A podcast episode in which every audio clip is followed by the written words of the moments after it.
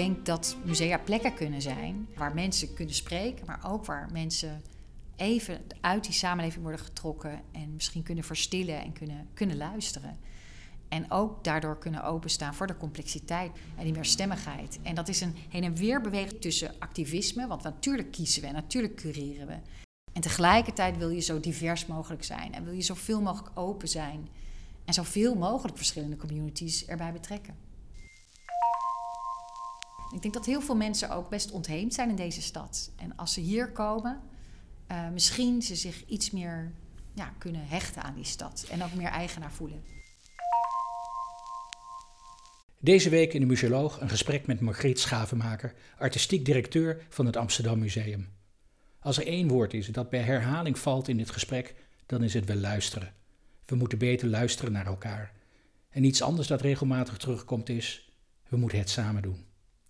Dit gesprek is twee dagen voordat de PVV met afstand de grootste partij van ons land werd opgenomen. Net als veel anderen probeer ik nu al een paar dagen te begrijpen waar dit onverwachte succes vandaan komt.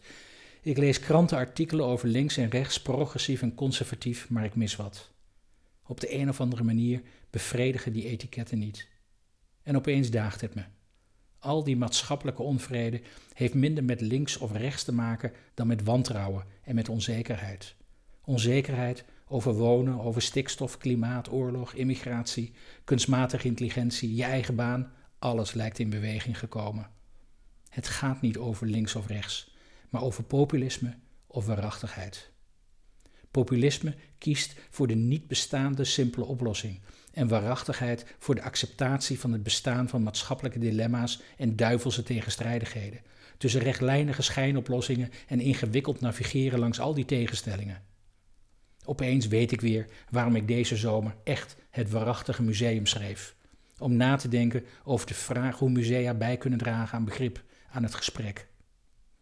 Het was Yuval Harari die met een enkel zinnetje de kern van de vragen waar we nu voor staan samenbalde. Without trust, society collapses. Harari pleit ervoor om het gesprek voor te zetten, koste wat het kost. Want alleen het gesprek leidt tot vertrouwen. En voor een goed gesprek moet je goed kunnen luisteren. Het pleidooi van Margriet Schavenmaker. Luister dus naar het waarachtige pleidooi van Margriet Schavenmaker.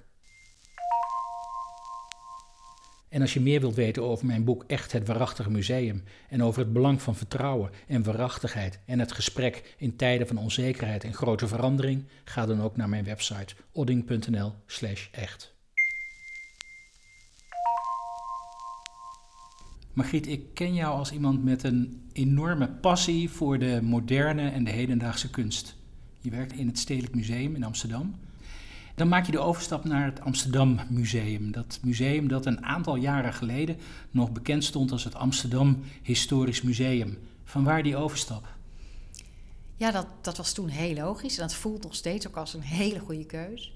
Kijk, binnen die moderne en hedendaagse kunst um, zie je natuurlijk dat steeds meer kunstenaars bezig zijn met relevantie en met de vraag hoe ze uh, impact kunnen hebben en veel meer met co-creatie werken. En um, en ik zelf merkte dat als curator en hoofd van een aantal afdelingen binnen en verschillende rollen binnen het stedelijk, dat ik ook daar op zoek steeds meer was naar die urgentie.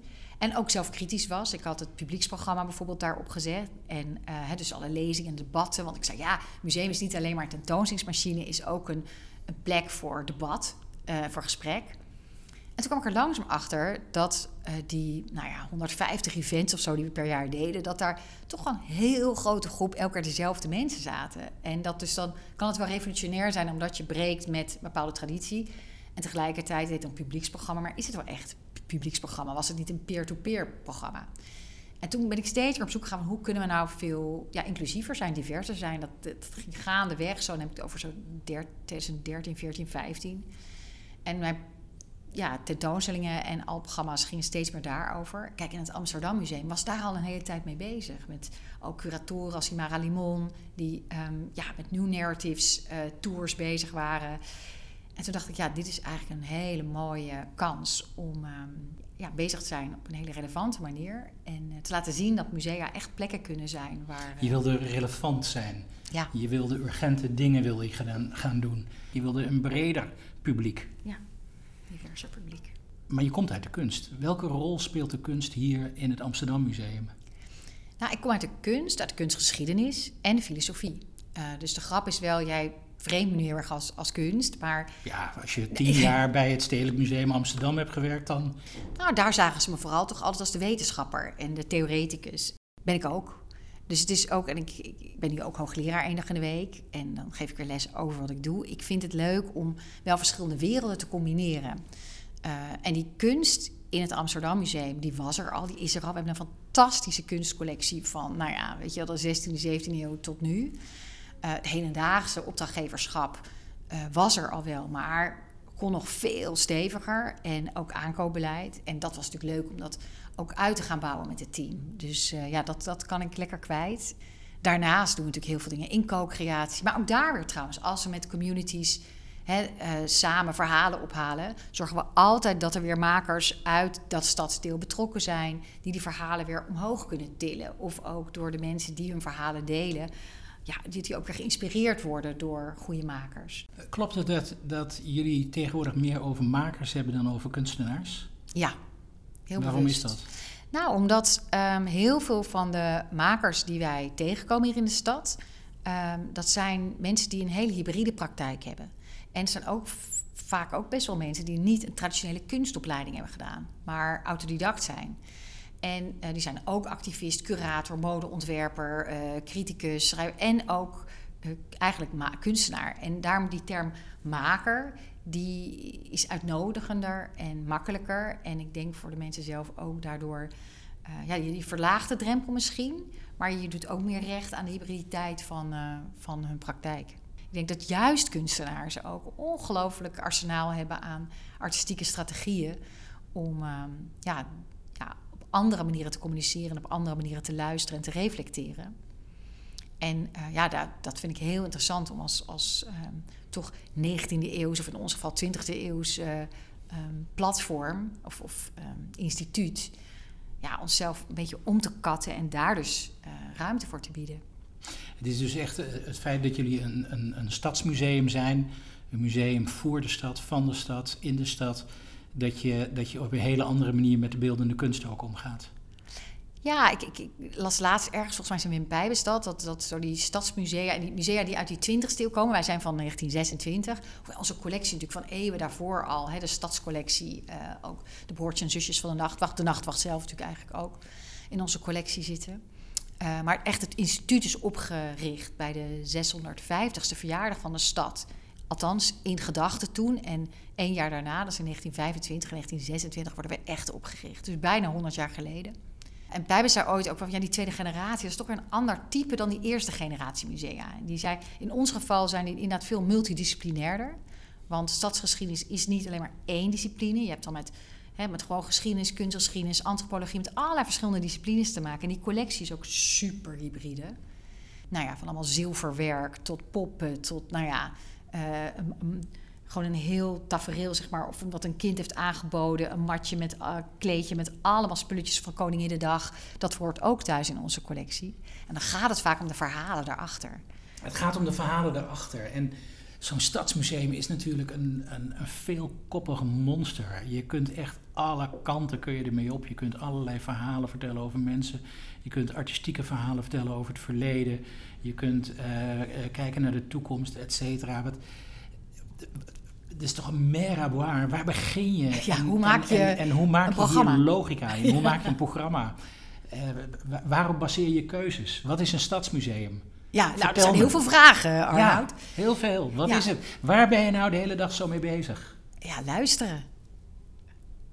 Luisteren naar. Um, met heel veel fantastische collega's en heel veel organisaties, instellingen in de stad. Uh, die ook uh, bezig zijn om die stad mooier te maken of om te reflecteren op die stad. Um, maar die ook luisteren naar de verhalen van de stad en proberen daar een podium voor te bieden. Want ik denk dat de kracht van kunst en cultuur is dat we dingen ja, even optillen. En dat we dingen bewaren ook voor toekomstige generaties. En dat daardoor mensen zich ook heel erg gehoord voelen. Wat bedoel je met optillen? Ik denk optillen dat je even niet in het leven van alle dag uh, met je eigen zorgen zit. Uh, maar dat even belangrijk is dat waar jij vandaan komt, of jouw verhaal, of hoe jij, hoe jij de stad ervaart, of welk verhaal jij meeneemt naar deze stad, dat dat er echt mag zijn. En dat er, dat er andere mensen ook in geïnteresseerd zijn. En dat jij, als je naar ons museum komt of naar al die partnerinstellingen waarmee we werken in de stad, dat je in één keer verhalen ziet of, of beluistert van mensen die, waarvan je denkt: oh, maar als dit verhaal relevant is, is het van mij ook relevant, wat ik herken me hierin. Het gaat om, om eigenaarschap. En, ehm, en dat denk ik dat onze instellingen heel lang niet hebben serieus genomen of, of centraal gesteld. Zeker ook ons museum niet. Onze collectie, ik zeg het ook altijd, ja, voor het grootste gedeelte bestaat uit collecties die vanuit de Rijk hier, we zitten hier ook hè, aan de grachtengordel, we zitten nu in een uh, vleugel van het Hartmuseum aan de Amstel. Nou, kijk naar buiten tegenover nog maar hele gefortuneerde verzamelaars, de Six-familie bijvoorbeeld. Daar, nou, die hebben natuurlijk fantastisch gedoneerd aan de stad ook. Onze burgemeester praat er ook altijd vol lof over hoe belangrijk dat is. Maar ja, dat is natuurlijk wel maar een heel klein deel van de stedelijke geschiedenis. En we wonen nu in een stad met 180 nationaliteiten. Om daar een relevant stadsmuseum voor te zijn. Nou, die keuzes die je dan maakt, om even terug te komen op je vraag, dat gaat heel erg over luisteren, met elkaar in verschillende stadsdelen zijn, maar ook wel keuzes maken. Wij kiezen heel duidelijk voor feminisme, voor hè, dat onze collectie vooral op mannen geënt is, mannen representeert. En al jaren doen we projecten, de vrouwen van Nieuw-West bijvoorbeeld, de vrouwen van Zuidoost, nu van Noord. Nou, er komt nu een heel groot project aan, de vrouwen van Amsterdam en de Ode, waarin we dat nog groter gaan maken. Uh, omdat die collecties gewoon niet representatief zijn. Terwijl de, uh, voor de man-vrouw verhouding in de stad heel simpel. Nou, dat is een keuze. En bijvoorbeeld ook het koloniale verleden. Ja, Amsterdam was de hoofdstad van een gigakoloniaal imperium. Dat is natuurlijk ook duidelijk geworden afgelopen jaar de excuses van, uh, van de burgemeester op dat vlak. Mooie studie ook hè, naar dat koloniale verleden van de stad. Ja, en daar zijn we ook al een paar jaar mee bezig. Dus je maakt keuzes. En tegelijkertijd, soms laat je je ook gewoon verrassen. Dan zit je met makers aan tafel. Uh, Tess van Zalingen, Karima Ducci, allebei fantastische modeontwerpers met een enorm gevoel voor traditie en een gevoel voor ambachtschap en, en uh, borduren. En dan denk ik, denk ik, daar zit een tentoonstelling in. Want wij hebben een hele grote collectie mode en ook um, een traditie van tentoonstelling maken over bijvoorbeeld borduren. Laat die twee naar de collectie kijken en een tentoonstelling maken. Dus soms komt het ook gewoon heel associatief. Uh, en dat bleek een hele relevante tentoonstelling voor een vele generaties, vele verschillende culturen ook. Veel vrouwen die zich ook in één keer gezien en gehoord voelden. Vanwege een achtergrond, een scholing, waar borduren heel erg belangrijke rol in nam. En waar ze een haat-liefdeverhouding soms mee hadden. Um, ja, dus zo, soms is het heel intuïtief en soms is het heel strategisch. Is de taak van het museum om de samenleving een beetje te helpen? Ja, wij zijn een heel missiegedreven museum. Ik geloof dat uh, er gaat een toch groot deel eh, belastinggeld naar musea. Zorg dan met elkaar dat je, dat je met die musea dat die betekenis hebben. En hoe? Ja, dat kan natuurlijk op verschillende manieren. Uh, ik geloof heel erg dat bij het Amsterdam Museum in ieder geval op een goed spoor zijn dat we zoeken naar manieren waarop zo'n museum ja, de drempel verlaagd kan worden en voor veel meer mensen relevant kan zijn. En hoe we dat doen, dat doen we dus inderdaad op heel veel verschillende manieren. Maar ik vind het echt onze plicht en onze taak om. En wij noemen het zelf in, in kort in onze missievisie dat wij als museum met onze collectie, met onze programmering en educatie, wij proberen um, de verbinding tussen bewoners tot elkaar en tot de stad waarin ze wonen uh, te verbeteren en te vergroten. En dat, dus dat eigenlijk meer begrip krijgen voor elkaar. Ik denk dat heel veel mensen ook best ontheemd zijn in deze stad. En als ze hier komen, uh, misschien ze zich iets meer ja, kunnen hechten aan die stad en ook meer eigenaar voelen. Dat is een prachtige missie. Een missie die op het heden is gericht en misschien zelfs ook deels op de toekomst is gericht. En als je gaat kijken naar dit museum. Het is natuurlijk ooit begonnen als een historisch museum. Ja. We wilden de, de trotse stadsgeschiedenis van Amsterdam wilden we laten zien. En je ziet nog overal de, de restanten daarvan in de tentoonstelling zie je staan. Wanneer is die overgang, dat is voor jouw tijd denk ik geweest, maar wanneer heeft die overgang plaatsgevonden? Ja, het leuke aan het Amsterdam Museum is dat het altijd al een beetje een soort kritisch tegendraadse kant ook had. Dus het is en-en. Dus het is een museum waarvan de collectie toch grotendeels precies wat jij zegt... op die trotse zelfverheerlijking van die, van die stedelijke geschiedenis. En van kijk ons, oh, en de fantastische schutters en die regenten en die rijkdom. En die gouden eeuw hebben ze zelf ook prachtige tentoonstellingen over gemaakt. En aan de andere kant altijd al van tentoonstellingen als Arm in de Gouden Eeuw of Suiker in 2003, waarin al heel kritisch naar het koloniale verleden werd gekeken. Hele feministische tentoonstelling over beroep huisvrouw of een tentoonstelling over buurtwinkels die dan teloor gaan. Dus het is altijd een museum geweest met verschillende gezichten. En uh, ja, ik denk dat dat heel mooi is. Dus het is, dat is iets waar we nu denk ik ook op voortbouwen. Het past heel erg in het DNA wat we nu doen. En co-creatie hoort daar ook heel sterk bij? Ja, we hebben twee fundamentele programmalijnen. En dat is uh, uh, Collecting the City en de andere is New Narratives. En Collecting the City, dat is eigenlijk in co-creatie met uh, allerlei communities in de stad. de stad van nu proberen te verzamelen. En, maar dat op een hele ja, interactieve manier te doen. We hebben ook een toolkit geschreven.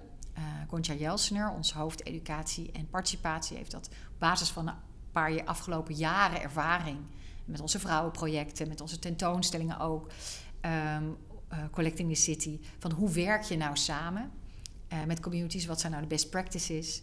En um, ja, ik denk dus dat, dat co-creatie een hele belangrijke onderligger, onderlegger is daarvoor. Je vertelde dat uh, Nina Simon ja. voor jou daar een hele belangrijke uh, inspiratie is uh, geweest. Ja, Vertel zij, er eens wat over. Nou, Nina Simon heeft verschillende is, ja, eerst was ze volgens mij meer freelance. Toen werd ze directeur van museum in San Diego.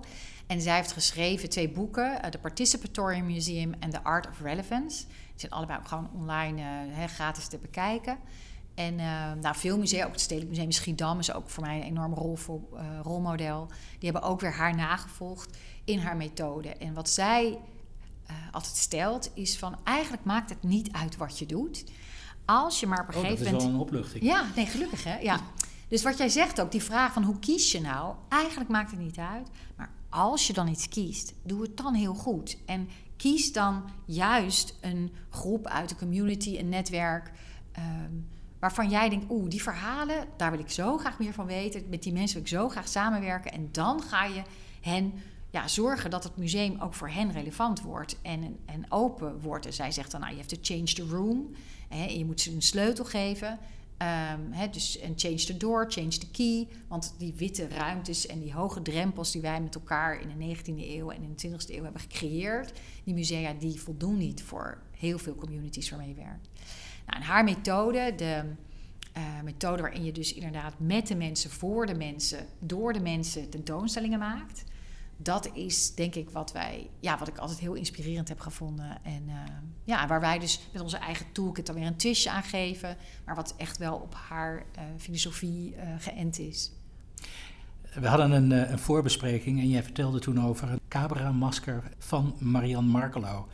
Moet ik dat ook in deze context zien of is dat nog net even iets anders? Ja, dat is ook een mooi voorbeeld. Ik, ja, laten we even uitleggen wat het is. En dan komen we erop uit van nou, co-creatie. Ik denk ook dat het co-creatie is, maar ook wel new narrative is. Want het is een.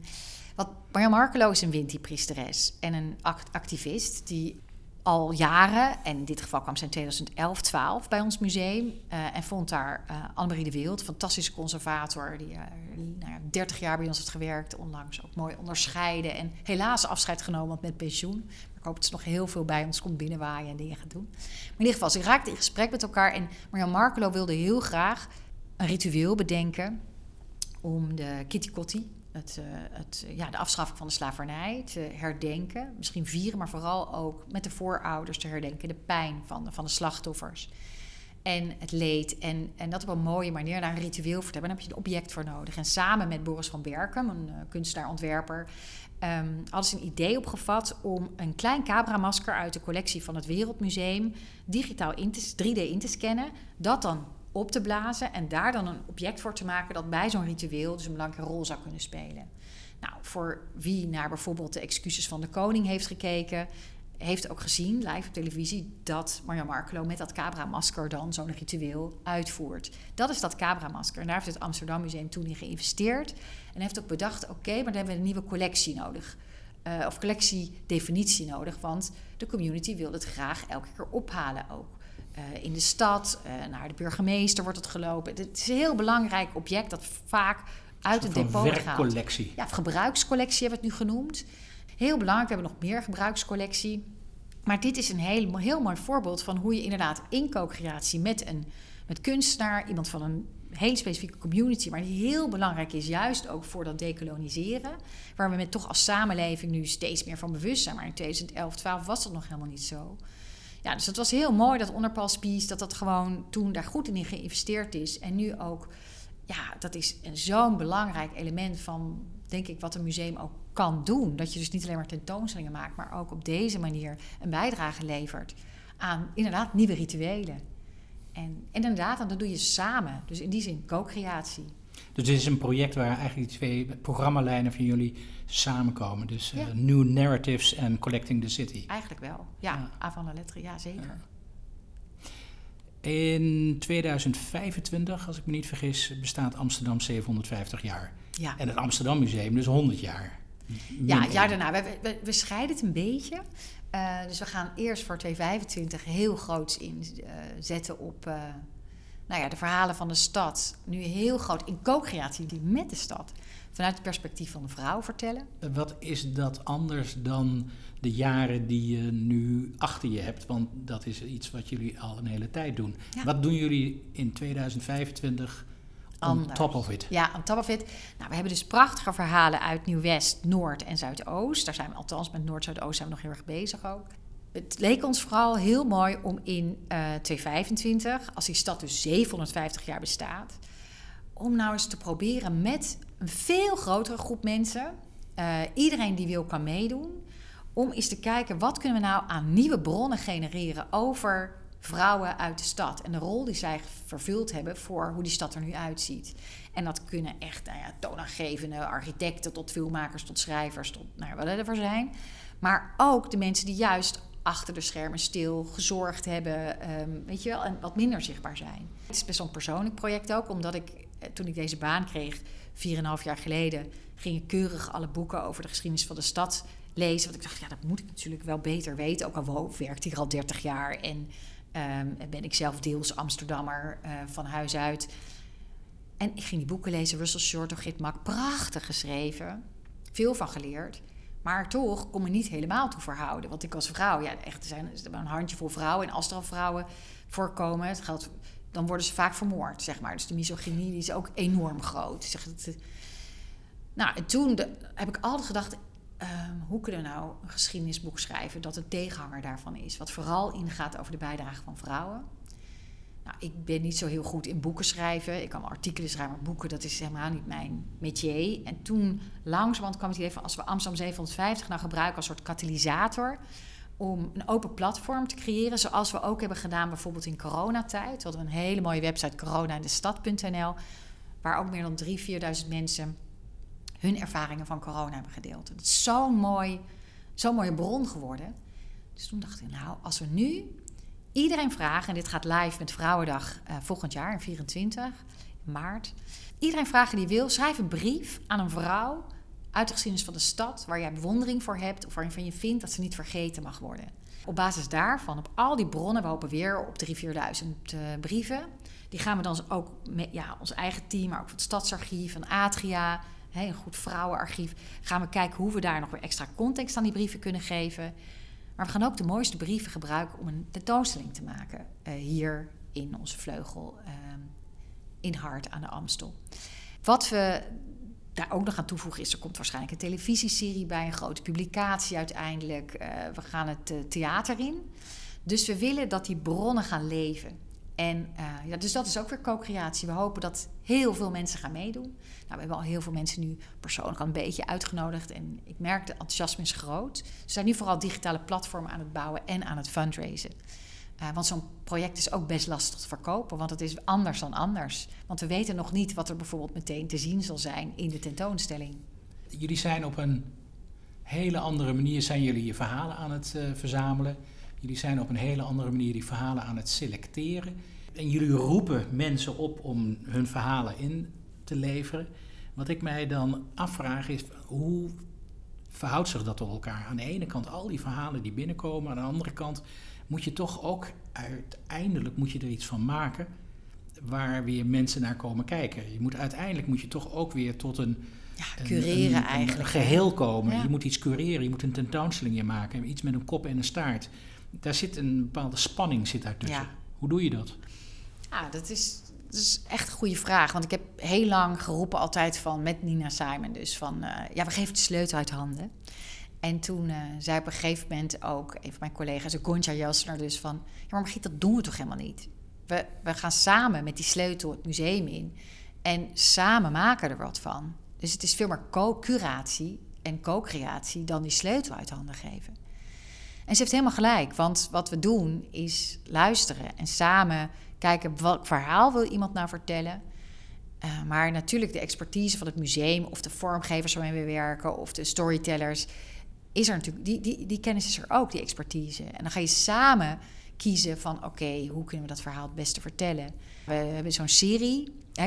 Ons museum hier nu is tijdelijk, hè, want we hebben nog niet gehad dat we gaan verbouwen. Ja, dat komt um, nog.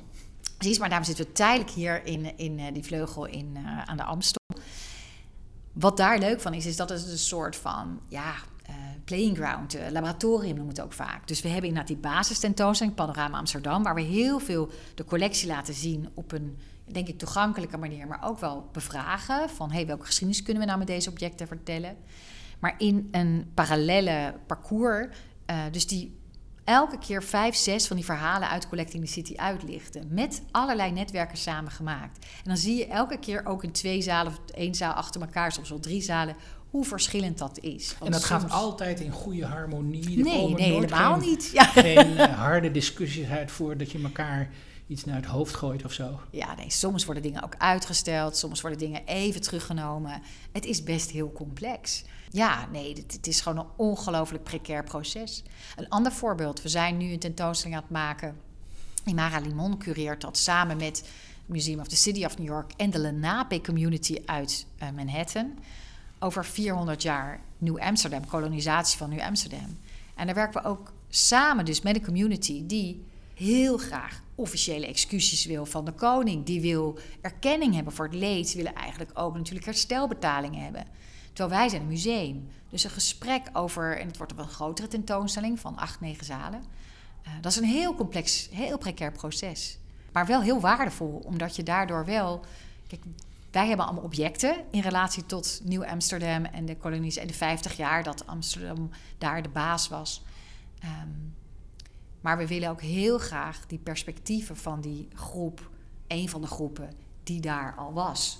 Hè, die First Nation community en die daarna toch door de Nederlanders niet zo heel netjes aan de kant is geschoven en naar andere gebieden is verdreven. Die nazaten, we willen heel graag met hen samen dat doen. Omdat we denken dat op die manier wij ook op een andere manier kunnen kijken. En we willen altijd, en dat is ook belangrijk te benadrukken, dat de mensen waarmee we werken er zelf beter van worden. Dus dat zij er iets aan hebben. Wat, ja, wat worden zij daar beter van? Zij hebben dat, ze, dat hun verhaal gezien wordt in het land waar ze, hun verhaal nog minder gehoord wordt. En dat ze misschien inderdaad een stap richting hè, officiële excuses van de koning of van in ieder geval de stad bijvoorbeeld, uh, dat ze daar dichterbij zijn. Zijn jullie een nieuwe methode aan het ontwikkelen als museum om tot projecten te komen, tot activiteiten, tot tentoonstellingen te komen? We hebben dus nu een toolkit online, uh, maar dat is een levende toolkit, want we blijven leren uh, op het gebied van co-creatie. En we hebben de laatste jaar ook heel veel geschreven over wat we de afgelopen jaren hebben gemaakt. Uh, er komen veel artikelen uit.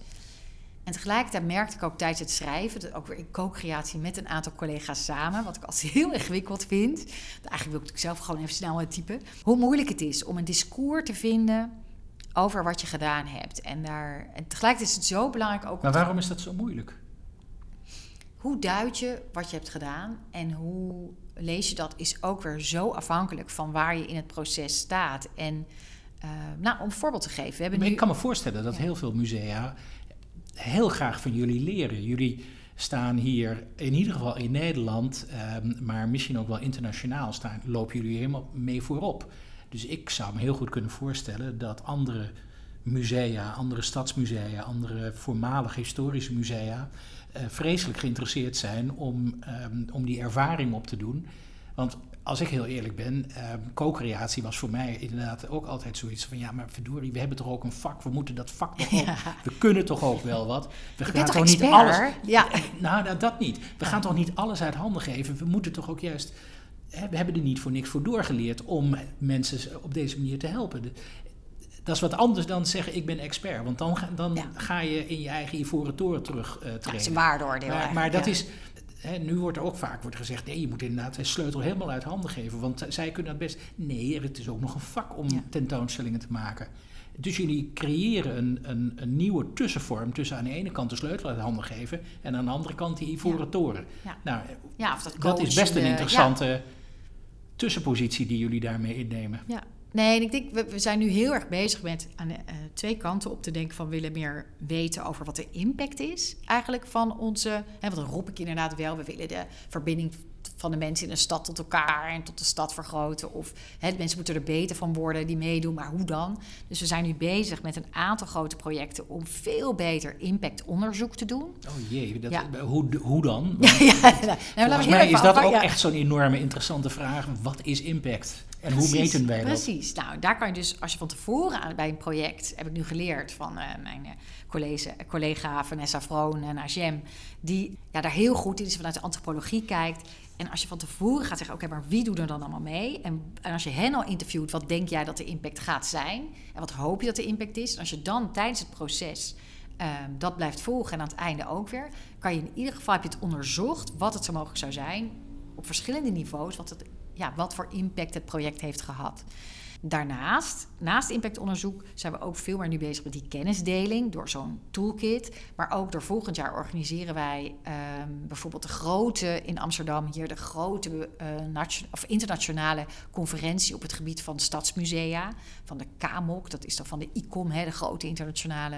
De KMOK? Ja, de KMOK is dan wel de stadsclub, Stadsmusea Club van de ICOM. En uh, daarnaast heb je ook nog Comcol, die gaan dan weer over collectie. Uh, en samen met Comcol en Kamok, uh, en dat doen we dan samen ook met Imagine IC uit uh, Amsterdam Zuidoost, gaan wij die grote internationale conferentie hier organiseren. Om inderdaad dat Collecting the City, die co-creatie, maar ook dat vrouwenproject, wat dat dan, wat dan opgeleverd is, om dat dus heel kritisch met de internationale community te bekijken. En daarnaast natuurlijk op een vrolijke manier de learnings en de best practices ook te delen. Maar ik ja, wij zeggen nooit, we hebben het, um, ja, de wijsheid in pacht, weet je. Het is ook gewoon leren, proberen. Het mislukt, wat je zegt, ook af en toe best wel eens. Dus um, ja, laten we daar ook vooral eerlijk over zijn. Die nieuwe manier van werken uh, van jullie, die vergt natuurlijk ook een andere organisatie dan dat er oorspronkelijk heeft, uh, heeft gezeten. Is dat uh, te doen voor iedereen om deze nieuwe koers te vervolgen? Ja, je ziet dat, dat de afgelopen vijf jaar wel dat de mensen er lol in beginnen te krijgen. Vooral de mensen van de inhoud en van collectiebeheer. Uh, vond het af en toe ook wel pittig, want dan ja, voor een tentoonstelling met activisten uit Amsterdam Noord, waar dan ja, spandoeken, kanta's, uh, weet ik het allemaal, uh, onderdelen van een patatzaak. nog even twee dagen voordat de tentoonstelling begint in. ja, moeten zorgen dat er geen beestjes meer in zitten en zo. Dus mensen worden steeds flexibeler ik zie wel dat het qua begroting maken, qua procesmanagement. Het, wij hebben een werken met een projectbureau, projectleiders, de conservatoren doen de inhoud en projectleiders zorgen dat het proces goed loopt. Ja, het is gewoon een uitdaging. Maar het is wel ontzettend leuk. Ja, ik heb wel het idee dat mensen er heel gemotiveerd van zijn ook. Omdat ze het gevoel hebben van we zijn met iets nieuws bezig. En het is relevant. En nou ja, de openingen hier, ja, ik, ik nodig uh, je uit. Ik nodig iedereen uit. Want ja, dat zijn zulke bijzondere evenementen. Waarin je inderdaad dan in de tuin hier in de zomer staat. Met, we dachten dan 200 mensen. Zo'n kleine tentoonstelling van Collecting the City. Waarin dan nou, een kleine mini-expo over de Roxy was. En maar ook over de Belmar Vliegramp. En die communities. Nou, er staan in één keer 500, 600 mensen. Die met elkaar zingen, die feesten, die verhalen delen. En ja, dat, daar doe je het ook voor. Dat je ziet, en ook mensen die echt zeggen: Dit is mijn museum. Ja, daar word heel gelukkig van op zo'n moment. En mijn collega's ook, voel ik. Dus dan zijn al die hele bumpy road, is dan, die wordt dan een beetje vergeten. Ja, de weg er naartoe was bumpy. Maar op het moment dat het succesvol is, dan uh, zijn we toch met z'n allen uh, zijn we blij. Hey, die musea in uh, Nederland, die zijn de afgelopen jaren enorm veranderd. Hè? Als je een jaar of twintig geleden terugkijkt, dan dan, dan zie je dat de experts nog overal uh, aan de macht zijn. Hè? Dat, de, mensen die uh, ergens voor een vak hebben geleerd, dat zijn de conservatoren en uiteindelijk zijn dat de mensen die uh, besluiten hoe het moet. Dan zie je, ehm, nou een jaar of 10, 15 geleden, zie je een soort van draai zie je komen. Dat het ondernemerschap belangrijk wordt en dat kwantiteit een ding wordt. En dat uh, musea hun eigen broek moeten ophouden. En nou, je ziet dat er een enorme verandering uh, komt in die musea. Met, met als gevolg heel veel meer eigen inkomsten, heel veel meer bezoekers. Uh, die musea die groeien, die bloeien. Het gaat allemaal gaat het de goede kant gaat het op. Hoe belangrijk is ondernemerschap voor jullie nog? Ik denk dat, dat uh, wat je nu ziet, is niet dat, dat we met elkaar allemaal één richting op bewegen. Ik bedoel, ik ben natuurlijk heel blij dat, dat veel meer musea ook met decolonisatie en met feminisme bezig zijn. En, uh, maar tegelijkertijd zie je ook dat er heel veel musea gewoon best nog wel doorgaan op de leest van die twintig jaar geleden. En dat andere musea juist enorm met dat ondernemerschap bezig zijn. Dus ik, ik weet niet of we als veld met z'n allen nou zo eenduidig aan het bewegen zijn, dat weet ik niet. Uh, ook hier in Amsterdam, onze positie, wij kunnen dit doen omdat er een links bestuur is dat achter ons staat. Uh, hè, dat is dat onze subsidiegever ons snapt. En we kunnen het ook doen bij de gratie, dat we natuurlijk het Rijksmuseum hebben en het Stedelijk Museum, die allemaal op een andere manier een heel ander publiek binnenhalen en ook een veel groter publiek. Nou, je kunt zeggen dat het Rijksmuseum misschien een, uh, een ander publiek heeft. Maar als ik kijk naar het uh, Stedelijk Museum, die hebben ook heel duidelijk nu een veel geëngageerde koers ja. gekozen dan dat ze dat jaren geleden hadden. En als ik kijk naar het uh, Rijksmuseum, wat uh, natuurlijk een veel breder publiek moet bedienen, maar die heeft met de Indonesië tentoonstelling en ja, de slavernij. slavernij tentoonstelling, hebben ze natuurlijk ook laten zien dat ze uh, openstaan voor een, voor een andere kijk. Ja. Zeker. Ik wou alleen zeggen dat, ja, als ik even kritisch kijk vanuit de communities waarmee wij werken ook, wordt toch wel vaak mij ook de vraag stellen, dat vind ik van ons ook, je, je, wil je werkelijk een tentoonstelling is niet voldoende. Je moet ook op allerlei andere manieren uh, bevragen, zeg maar, hoe die machtsstructuren uh, binnen een organisatie werken. En dat zie ik ook aan de universiteit waar ik werk. Um, ja, om dat te veranderen. En helemaal in het hele uh, tijdsgevricht waar we nu in zitten. Hè, de, de crisis rondom Israël-Palestina. de roep om, om dat instellingen zich uitspreken. er is gewoon een... Um, ja, toch een roep ook om echt wel fundamenteel te veranderen op allerlei andere niveaus. En ik weet niet of we dat allemaal nou zo aan het doen zijn. In de programmering zien we wel, zeker verschuivingen, vind ik hartstikke mooi. Maar of we nou echt zo aan het veranderen zijn zoals jij, dat weet ik niet zo goed. Wat is de rol van een museum bij al die grote maatschappelijke vraagstukken waar we nu voor zitten? Je hebt het over uh, decolonisatie, we hebben het over Black Lives Matter, we hebben het over, over vrouwenemancipatie, we hebben het over de grote geopolitieke conflicten, we hebben het over klimaat, we hebben het over nou, uh, de dreiging van kunstmatige intelligentie misschien, we hebben het over uh, de boerenopstand en de stikstofcrisis uh, die we het afgelopen jaar hebben beleefd. Wat moet een museum daarmee?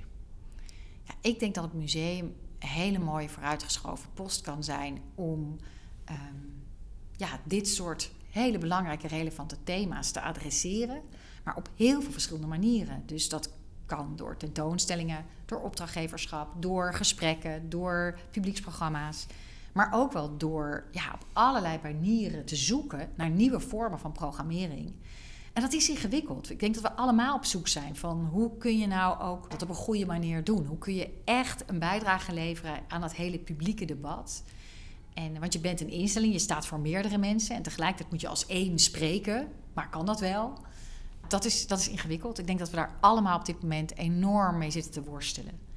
En dan zijn wij relatief nog een klein museum. Maar ik werk natuurlijk ook bij de universiteit en daar is het ook uitermate complex. Waar ik zelf heel erg over eh, loop na te denken op dit moment is eh, wanneer gaat geëngageerd over in activisme en wanneer gaat activisme over in niet meer kunnen luisteren. Ja. Dat is volgens mij een van de belangrijkste kwaliteiten die zo'n museum heeft. Dat je met mensen in gesprek kunt gaan en dat je dat gesprek op een open manier voert. En ook met mensen die het niet met je eens zijn en die misschien wat minder eens zijn met het linkse stadsbestuur. Hm. We hebben op dit moment een tentoonstelling War and Conflict of Refresh Amsterdam, de tweede editie, waarin we een open call hebben gedaan, waarin uh, met de vraag Amsterdamse makers om werk te maken over hun oorlogservaringen. Of, uh, en in de breedste zin ook nog conflict. Hoe, wat voor impact heeft dat op hun leven? Amsterdam is een migratiestad. Uh, maar er zijn dus heel veel mensen die dus ja, hele heftige ervaringen met zich meedragen. Of daar heel mooi werk over maken. En de 22 nieuwe werken die zijn hier te zien en ook met, uh, in allerlei plekken in de stad, met allerlei partners samen.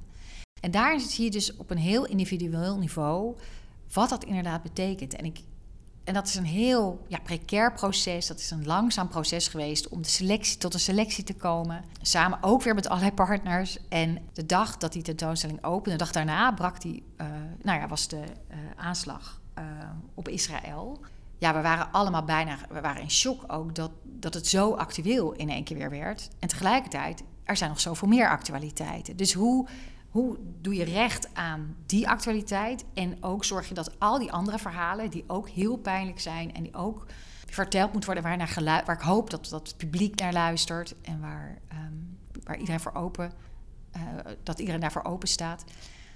Hoe kun je zorgen als museum dat je allemaal die verschillende boodschappen uitzendt? dus dat je en het platform voor al die kunstenaars en dat je ja, misschien wel een statement maakt over wat er nu aan de gang is. Dus dat je beweegt, dat je snel bent en tegelijkertijd ook vertraagt en stil bent en luistert. de kunstenaars zelf maken daar weer fantastisch werk over. Dus we krijgen nu nieuw werk binnenkort, een aanvulling erop. Uh, van Tina Farid, die het openingswerk, een van de openingswerken ook in de tentoonstelling heeft over de hele vluchtelingencrisis en de vele, vele doden in, uh, vanuit uh, Afrika die met bootjes naar Europa komen. Hij heeft nu een nieuw werk gemaakt waarin we iedereen wordt gevraagd om in te spreken van hoe voel je je nu? Wat, wat voor herinneringen heb je, of breng je nu mee? Wat zijn je gevoelens nu? Hele stille, heel stil werk eigenlijk. Maar vooral wordt er opgeroepen: luister. Luister naar elkaar, luister naar elkaars verhalen. En ik denk dat musea plekken kunnen zijn waar ja, waar mensen kunnen spreken, maar ook waar mensen even uit die samenleving worden getrokken en misschien kunnen verstillen en kunnen, kunnen luisteren. En ook daardoor kunnen openstaan voor de complexiteit, precies wat jij zegt. En die meerstemmigheid. En dat is een heen en weer bewegen, soort balancing act vind ik tussen activisme. Want natuurlijk kiezen we en natuurlijk cureren we. En dat hebben we ook gedaan met, nou, dat is al dat wij zeggen decolonisatie, feminisme, is allemaal belangrijke lijnen. Wij kijken juist naar gemarginaliseerde stemmen. Dat, dat is Hè, dat is een keuze. En tegelijkertijd wil je zo divers mogelijk zijn. En wil je zoveel mogelijk open zijn. En zoveel mogelijk verschillende communities erbij betrekken. En dat heen en weer bewegen. Ik heb daar geen pasklaar antwoord op. Maar dat is wel wat ik het gevoel wat we elke dag opnieuw weer moeten doen. En dat betekent ook dat je elke dag weer erkent dat je het, dat je het niet weet. En dat je misschien met de verkeerde mensen aan tafel zit. En dat je weer opnieuw moet, moet een aanloop moet nemen en, en moet kijken naar wie kan ik nu luisteren, wie kan ik nu erbij betrekken, uh, waar moet ik naartoe. En dat is ook, gaat ook intern. Er zijn natuurlijk ook heel veel stemmen. Dus ja, ik vind het ook. Ik heb geen pasklaar antwoord, maar ik vind het wel heel mooi. En ik ben blij dat we dan als organisatie in staat zijn om nog een werk toe te voegen van een kunstenaar. En, en ook mooi hoe kunstenaars dan weer manieren vinden, ook met de andere partners, om het gesprek met elkaar aan te gaan. Maar ook weer ja, samen te werken met nou ja, bijvoorbeeld de Universiteit van Amsterdam, die prachtige teach-ins houdt over de hele over de gebeurtenissen. En op die manier ook probeert context te geven. Ja, ik, ik da, dat stemt mij dan toch heel hoopvol. Dat is in mooi. Zo'n, in zo'n treurige tijd. We zitten hier vandaag in het uh, Hartmuseum aan de Amstel uh, met een grote presentatie van het Amsterdam Museum Panorama Amsterdam maar dat museum in het hart van Amsterdam bij de Kalverstraat is gesloten. Wanneer gaat het open? Hoe staat het met de verbouwingsplannen? en hoe leer je datgene, of hoe breng je datgene wat je hier hebt geleerd daar in de praktijk? Om met de vraag wanneer gaat het open? Wij, wij richten ons op 228. Nou ja, er ligt een prachtig ontwerp van Neutelings Riedijk, wat na echt een heel zorgvuldig proces van vijf jaar met allerlei erfgoedinstanties die uh, nou ja, daarover wat te zeggen hebben. Uiteindelijk, nou, heel veel gesprekken dus, um, heel veel aanpassingen. En daar ligt nu een heel mooi plan. En we gaan beginnen volgend jaar met strippen slopen en bouwen. Dus dat is dan nu uh, in het voorjaar van, uh, van het vergunningtraject is zodanig doorlopen dat het nu er spelen, kan worden gerealiseerd. Iets, maar we gaan, uh, we gaan nu beginnen. Dat is heel fijn. Uh, ja, bouwen, verbouwen in de binnenstad, dat kost natuurlijk tijd. Het wordt een prachtig kans om een nieuwe hoofdstuk toe te voegen aan, uh, aan dat gebouw. Wat natuurlijk, ja, het was een weeshuis. En, hè, en daarvoor zelfs nog een klooster, maar daarvoor, daarna een weeshuis, eeuwenlang. 26 verschillende gebouwtjes, waar Bart van Kasteel prachtig in de jaren 60, 70... Hè, toen dat idee voor dat stadsmuseum al 50 jaar oud was. We zaten toen in de Waag. Oude Waag was veel te klein. En toen ging dat burgerweeshuis weg. En toen dacht de stad, oh, daar kan dat Amsterdam Museum hè, wat groter zich in presenteren prachtig, maar dat, ja, dat was zo kruip door sluip door uiteindelijk met veel trappetjes. Dat kan helemaal niet meer in deze tijd. Maar ook wat we daar willen is echt dat ja, nieuwe museum zijn. Dat museum uh, dat relevante museum, wat gaat over co-creatie. Dus er, op de begane grond is alles gratis. Nou, restaurant, um, een auditorium, maar ook een hele grote ruimte voor Collecting the City. Voor al die tentoonstellingen die we maken met de communities. Die zijn altijd gratis te bezoeken. Workshopsruimtes die, um, als er geen scholen zitten, ook weer gratis te bezoeken zijn. De pleinen, de binnenplaatsen, zullen we in de zomers heel veel gaan programmeren. Er komt een um, arts and residency plek Waar we Jullie gaan het plein er ook veel meer bij betrekken. Ja, de drie pleinen worden veel centraler. Dus we gaan het gebouw openen eigenlijk. Het was heel gesloten uh, naar de Nieuwe Zuid-Voorburgwal, naar de eh, Kalverstraat. En we gaan het echt openen. En daarnaast gaan we veel meer grotere, monumentalere zalen creëren en een logisch parcours. Dus als je wel een kaartje koopt, kun je een prachtig parcours waarin we op een vernieuwende manier, zoals hier ook Panorama Amsterdam, waar we nu dus mee allemaal testen van hoe vertel je de geschiedenis nou op een, uh, een manier die relevant is. Die wil zeker ook alle topstukken gewoon laten zien. Maar bij ons is het altijd en-en. Ook nieuw werk. Dit is allemaal nog begane grond? Of is het nee, nu zijn we dan, als je betaalt, ga je eerst vanuit min 1, ga je naar boven naar plus 1. En daar heb je een heel lang parcours met ook een hele grote monumentale zaal erin. Panorama Amsterdam XL. plus XL. Ja, precies, ja. En, uh, en dat eindigt dan weer in nou ja, twee ook weer wat grotere zalen. Waar we, en we gaan heel leuk, ja, we hebben een fantastische eh, sponsor in de Elja Foundation voor een Elja Kinderlab. En uh, wij, wij gaan met jongeren van de stad tussen 9 en 12 de komende jaren heel veel kampen organiseren we. Dus in de zomervakantie, in de herfstvakantie zijn net ook weer twee geweest. uit alle stadsdelen om met kinderen, met samen met kunstenaars, werk te maken over hun buurt en ervaringen van de stad. En er komen in twee grote zalen ook een kort kindermuseum. Met dus werk van kinderen, door kinderen. Er komt ook een er kinderdirecteur. een apart gedeelte in het museum. Ja, en er komt ook een, uh, vanaf volgend jaar, elk jaar dan een... Uh, uit die club die dan heeft, dit kamp heeft gedaan, kunnen de kinderen zich aanmelden. Maar wat kun je dan zien in zo'n kindermuseum? Wat zien we nou, daar? Kunstwerken en ik krijg een kinderdirecteur die dus mee gaat cureren en mee gaat nadenken over de toekomst van het museum. En die gaat dan met mij meelopen. Heb ik heel veel zin in. Ja, want je ziet inderdaad, er zijn fantastische kunstenaars die dan zo'n week een groep onder hun hoede hebben. Ze leren op allerlei manieren kennen wat, wat doet een museum eigenlijk. Ze gaan op onderzoek uit, maar ze gaan ook met elkaar in co-creaties met zo'n kunstenaar werk maken vanuit een bepaalde opdracht. Dus die kunstenaar kiest ook weer, cureert eigenlijk al een beetje, bedenkt wat, hoe dat uh, kunstwerk eruit gaat zien. Dus de een zijn bezig met filmpjes, de ander aan het schilderen, de ander aan het tekenen. Maar toch snap ik nog niet helemaal. Want het is een geweldig proces. Hè? Ik, ik vind een heel erg mooi project, uh, lijkt mij, wat jij nu zegt. Maar hoe maak je daar een tentoonstelling van die voor een ander publiek ook interessant is? Ja, we gaan, we gaan hier meteen de eerste resultaten laten zien. Vanaf over een paar weken is de, zijn de, van het zomerkamp en het herfstkamp zijn de resultaten te zien. Dus kom kijken. Maar ja, er zullen gewoon verschillende installaties zijn waarin je de verhalen van die jongeren gevisualiseerd ziet op heel veel verschillende manieren. En ik denk dat dat voor, nou ja, mensen, ik ben 52 en, en mijn kinderen zijn nog groot. Ik denk dat ik, het, dat ik daar heel erg verrast door ga zijn. Ik weet ook dat ik daar verrast door ga zijn om natuurlijk een beetje te meekijken. Omdat je Kijk, dit is wel de toekomst van de stad en deze jongeren. En als je hen vraagt om ja, eens na te denken en met elkaar kritisch te kijken van, van wat zijn eigenlijk mijn verhalen, wat gebeurt er eigenlijk in mijn stadsdeel en hoe kan ik samen met hè, kinderen uit mijn stadsdeel iets creëren, een, een artefact creëren een kunstwerk creëren. Um, ik denk dat dat in, die, in, dat in dat bescheppingsproces al zoveel waarde zit. Ja, dat ik denk dat, dat een publiek dat voor een hele andere tentoonstelling komt, toch ook verrast zal zijn. En zal denken, hé, hey, dit geeft mij een andere blik op mijn buurt bijvoorbeeld. Of ook inderdaad op zo'n generatie waar je niet zoveel normaal contact mee hebt. In het verleden zou iemand met jouw functie die jij hebt bij het eh, Amsterdam Museum waarschijnlijk een inhoudelijk directeur eh, zijn, zijn genoemd. Maar jij bent een artistiek directeur. Waarom hebben jullie ervoor gekozen om deze term te gebruiken? Hmm, goeie vraag. Maar ik weet ook niet of ik hem nu weer zou gebruiken inderdaad. Maar 4,5 jaar geleden was dat... Wat, ja, het was een nieuwe functie. En samen je mocht hem zelf invulling ja, geven? Ja, dus, dus Judithje Kiers, de algemeen directeur en directeur-bestuurder... Die, uh, die wilde graag samen doen. Nou, dat werd ik uiteindelijk. En dat was een functie een beetje op maat. En vonden samen de term artistiek directeur leuk. En niet inderdaad inhoudelijk... Omdat ik ook meer uit die kunstwereld kom. Maar inhoudelijk directeur is wat mij betreft Maar nu heb je daar misschien wel een beetje second thoughts over? Nou, niet second thoughts, maar het is een beetje what's in a name. Het gaat er gewoon om dat ik met de inhoudelijke... Alles wat inhoud is, dat valt onder mij. En, en natuurlijk uh, neem ik Judithje daar goed in mee. Maar, en je neemt ook toch wel een beetje je artistieke verleden en je kunstverleden met je mee. Maar ook mijn academische theoretische. Ik bedoel, we hebben net een, een online peer-reviewed journal opgericht... Um, hè, AM Journal, waarin we elk half jaar een thema belichten.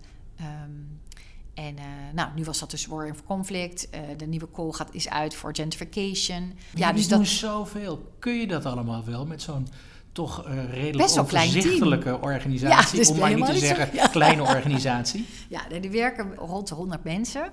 Het is natuurlijk midden, middelgroot museum. En dat is inderdaad best... Ja, het Stedelijk Museum waar ik tien jaar dus heb gewerkt, dat waren 200 mensen.